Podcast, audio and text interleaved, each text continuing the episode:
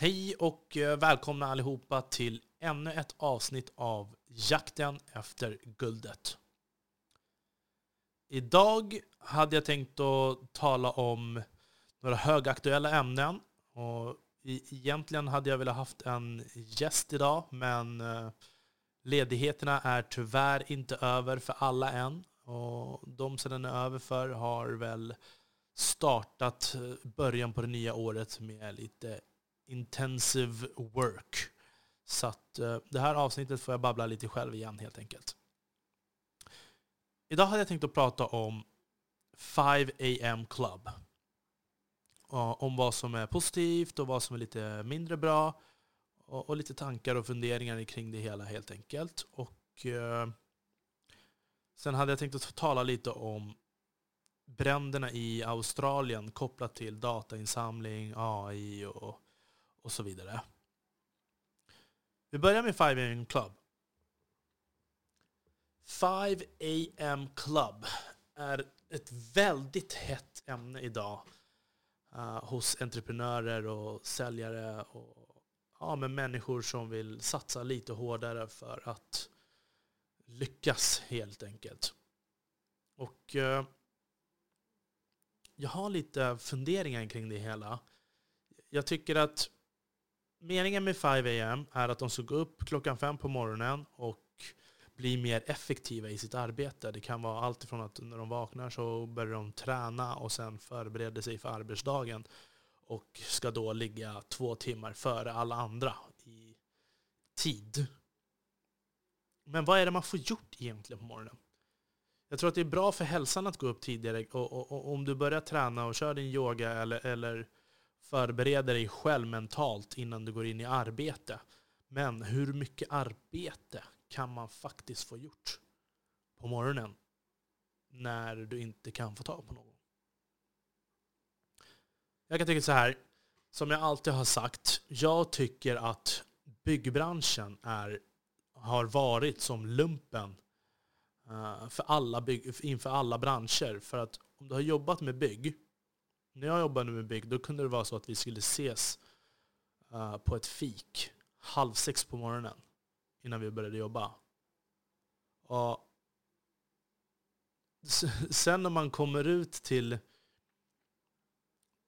Det finns flera saker varför det var bra inom bygg. För att sen när du kom till byggarbetsplatsen klockan halv sju och, och började jobba så det är inte liksom att du ligger före. All, man måste gå upp den tiden för att köpa sig tid. Och du slutar inte tidigare. Det finns inga fasta tider i bygg där du bara kan släppa allting och gå. Till exempel vad det gäller platssättning. Om, om jag drar upp fix på väggarna och sätter plattor, då kan inte jag bara dra bort det och packa ihop och gå hem. För att det finns liksom andra som ska gå in. Så det gäller att göra klart sitt arbete där tycker jag att i bygg så får man lära sig att du inte är klar förrän du är klar. För att annars skapar du en försening för dig själv, du skapar en försening för rörmokaren, du skapar en försening för elektrikern och du skapar en försening för målaren. Och det är där man lär sig att ta liksom ansvar för sitt arbete och du är inte klar förrän du är klar. Så att sen när jag började att jobba med försäljning då var det ju dels, då fanns det ju flera liksom fördelar med att man har varit uppe tidigt och fått en struktur i sitt arbete.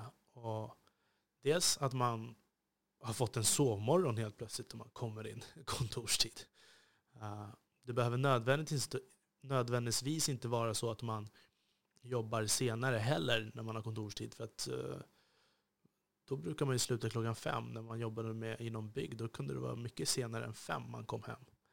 Eh, med tanke på att man måste vara klar. Och det finns eh, torktider och, och sånt. Och andra personer som ska direkt in och saker som direkt kan påverka ekonomin och förseningar. Och om du ens får behålla ditt arbete. Om du gör klart i tid. Och på det sättet så är det ju bra att man har haft en bra grund och struktur att stå på när man kommer in i och greppa tag i andra saker, i andra branscher. Men när jag tittar på till exempel försäljningsbranschen. Det finns ju inte så mycket man kan göra för att påskynda vissa beslut. Du kan vara väldigt förberedd och eh, du kan komma i kontakt med dem du har varit i kontakt med, du kan följa upp. Men det är väldigt sällan du liksom kan påskynda ett beslut bara för att du kontaktar någon klockan fem sex på morgonen. Det går ju inte. Uh, och enligt min erfarenhet, väldigt mycket nu när jag nätverkar med, med människor och uh, när jag har jobbat väldigt mycket med mina projekt och jag behöver få feedback och komma i kontakt med människor så märker jag att det är mellan klockan 10 och halv tolv på kvällen som folk integrerar med varandra. Alltså det är då vi kommer i kontakt med varandra och kan skriva och kan ta ett samtal. för då, då ligger familjen och sover. Och, och, så har de fortfarande tankar som gror på kvällen som man inte kan släppa. Och, och, då kan man komma i kontakt och få svar på de frågor som man har och göra de förberedelserna på kvällen mycket bättre än på morgonen. Uh, jag har faktiskt aldrig varit med om att någon kontaktar en på morgonen. Så det kan ju vara en nackdel med att vissa, ja, när du går upp klockan fem på morgonen, då går de och lägger sig klockan nio och då är de ju i säng en timme innan du faktiskt kan få ett produktivt arbete gjort. Och eh, liksom riktiga förberedelser och de sluts... slut, Satserna som du behöver dra, det, det, kan man ta på kvällen så att allt är klart på morgonen. Men på morgonen, då är du ju bara inne i arbetet. Ska du ta det, den slut slutpläderingen på morgonen innan du liksom ska gå ut. Det blir ju liksom Ja. ja. Jag vet inte. Det är bara mina tankar. Men däremot så tycker jag att eh, Josef Fallesen, han har ju fått till det där bra. Han har ju gjort någonting mer av 5 AM Club genom att han startar nätverksträffar klockan fem på morgonen. Och det är ju bra. För att då får du ju ut någonting av att du går ut går upp klockan fem på morgonen, du går ut, så möts de, de möttes på Gärdet förut, nu tror jag att det är Humlegården, och så kör han i Göteborg någon gång också. Uh, och så kör man 20 minuter promenad tillsammans med andra som vill nätverka och träffa uh, Eh, andra likasinnade människor som vill utveckla sig själva och liksom stärka sin kapacitet samtidigt som man nätverkar och gör någonting hälsosamt på, på morgonen. Så att där är det två tummar upp uh, vad det gäller 5 AM Club. Men om du bara sitter hemma så vet inte jag hur mycket effektivare det är än att man arbetar på kvällen helt enkelt. Mm. Det är mina tankar. Uh, skriv gärna in och, och, säg vad ni har för tankar kring att gå upp fem på morgonen och vad ni tror är mest produktivt. Uh, kvällsarbete eller morgon, morgonarbete. Jag tror att uh, drivna människor som jobbar med uh, projekt där man vill skapa förändring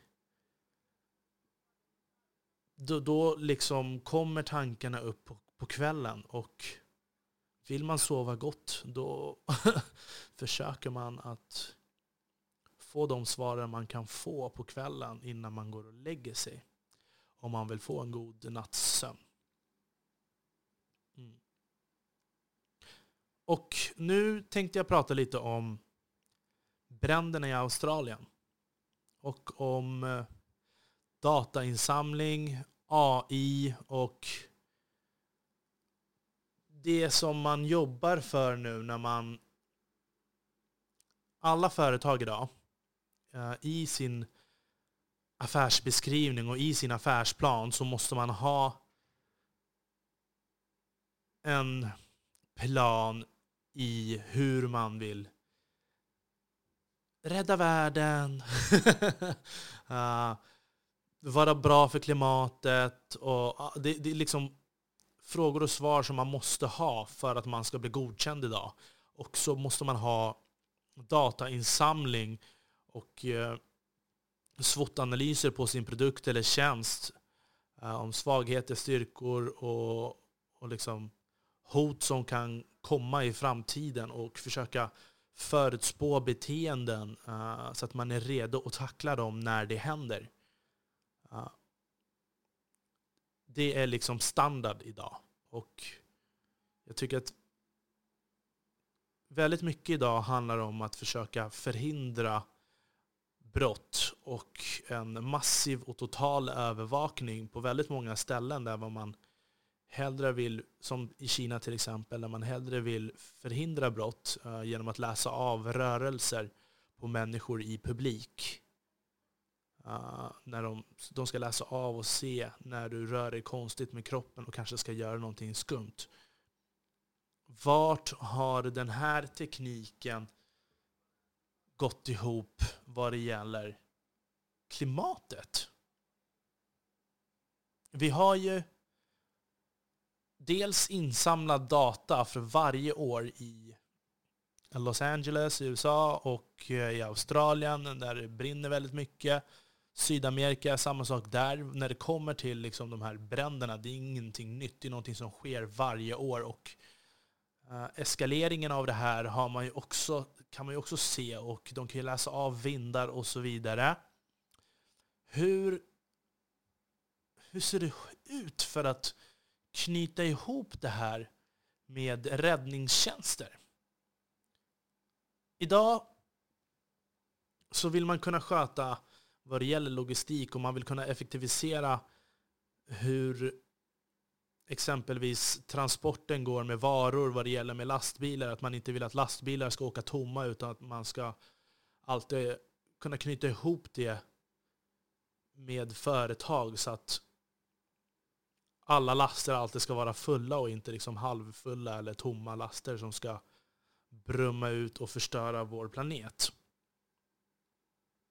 Och det har varit, jag vet inte, det har känts som att det har varit lite konstigt att det har varit dålig rapportering kring hur logistiken fungerar kring räddningsarbetet och om det som händer i Australien och förberedelserna på någonting som man kan tycka att de bör ha varit lite bättre förberedda och eh, hur man ska knyta ihop det också med räddningsarbetare. Det kan vara allt via appar till alltså båträddning, till helikoptrar, till alltså, ja, med all räddningstjänst helt enkelt. Och samtidigt till hur man ska försöka vattna uh, innan så att det inte börjar brinna. Det kanske börjar bli torrt alldeles för snabbt, jag vet inte. Men jag tycker det är ett väldigt intressant ämne i alla fall. Och, eh, väldigt intressant att vi fokuserar väldigt mycket på människor och lite mindre, känns det som, på djur och natur. Fast vi säger att vi gör det. Vi förbjuder plast och sånt, det är jättebra eh, tycker jag i tredje världen. Där eh, de inte har samma sophanteringssystem som vi har här i Skandinavien exempelvis.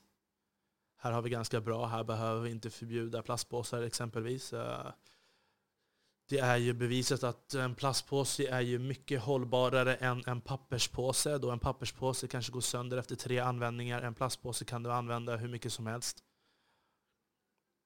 Och samma sak med liksom plastsugrör som nu ska istället bli papperssugrör. Men man bara, det är ju träd man skövlar för papperssugrören. Uh, och sen försvinner de. Ja, man kanske använder ett sugrör också bara en gång i och för sig. Ja, hur som haver. Jag skulle vilja höra om, om ni vet någon där ute som kanske har lite bättre koll på hur det ser ut kring förberedelserna uh, kring räddningsarbetet och uh, all sam samarbetet med eh, räddningspersonal och vad världen har gjort. Nu är det så att det är 24 stycken människor som har dött hittills. Det är 8000 koalor som har dött hittills. Det är 500 miljoner djur som har dött. Och de 500 miljoner djuren tillhör ju inte bara ett land, kan man ju tycka. Eller det gör det ju inte. Det är 500 miljoner djur som tillhör hela världen. Som hela världen påstår sig, i alla fall nu vi i väst, är ju väldigt liksom med näsan i vädret om att vi vill rädda världen med allt. Eh, men vi, hur har det gått till med räddningsarbetet? Vad har vi liksom hjälpt till med? Ja, det är mina funderingar. Och så också våra... Vi har ju, väldigt, vi har ju liksom satelliter och det, det är rymdkrig nu vad det gäller satelliter eh, över hela världen. Ryssland, Kina och flera andra länder och stora företagare. Elon Musk och Jeff Bezos och alla ska liksom äga internet och äga övervakningen. Och det är också de satelliterna som är det största hotet, vad man säger just nu, mot jorden. Eh, att de kan krocka med varandra helt enkelt. Vi har aldrig haft så mycket skit uppe i rymden och tydligen får nästan vem som helst slänga upp allting också. Eh, och vad riktar vi de resurserna? Visst är det bra att äga rättigheterna till fotbollsmatcher och eh, ja, med internet och tv och allt det där. Men uh, en känga till för ett dåligt arbete, dåligt samarbete eh, bland alla olika länder, bland de här företagen som sitter på den här eh, kunskapen och makten. Och sen vet inte jag vad det är för regler som gör om de kanske inte får lägga sig i, men man bör ju ha erbjudit sin hjälp på något sätt. Eh, det är mina tankar kring det hela helt enkelt. Så att en sammanfattning av eh, det här samtalet. 5 AM Club. Positivt och negativt. Det är en våg som man själv får väga helt enkelt. Och eh, jag skulle vilja höra, vad tycker ni? Skriv till mig på DM på Instagram, Facebook. Och säg, vad tror ni? När är man mest produktiv? Var, var kan man skapa bäst förändring? På kvällen? Eller på morgonen? Och nu vill jag inte dissa Josefs engagemang som han har när han gör 5 AM Club. För att han ser faktiskt till att connecta människor och att de rör på sig och nätverkar tillsammans. Så det är en helt annan femma än att man bara går upp och gör det själv. Men det är självklart att bra att jobba på sin personliga utveckling och stärka, stärka sitt arbetssätt och sin förmåga redan på morgonen. Men vad det gäller effektiviserat, effektivisera sitt arbete, det vet jag inte. Så gärna kom in med era svar. Eh, vilken personlighetstyp är ni? Och samtidigt som ni eh, ger svar på vad ni tror är effektivast. Sen vill jag också ha lite funderingar, svar och frågor kring hur det ser ut med eh, allt arbete kring samspelet i Australien helt enkelt. Och hur vi kunde låta det gå så långt och hur vi kunde lämna allting eh, i ett lands händer. 10 miljoner människor eh, lider nu med giftig rök i sina lungor. Mm. Ja, det är väldigt intressant. Så hur som haver, Tack så mycket för det här avsnittet och eh, vi hörs igen nästa vecka. Jakten efter guldet mina vänner. Med vänliga hälsningar Armond Faltin.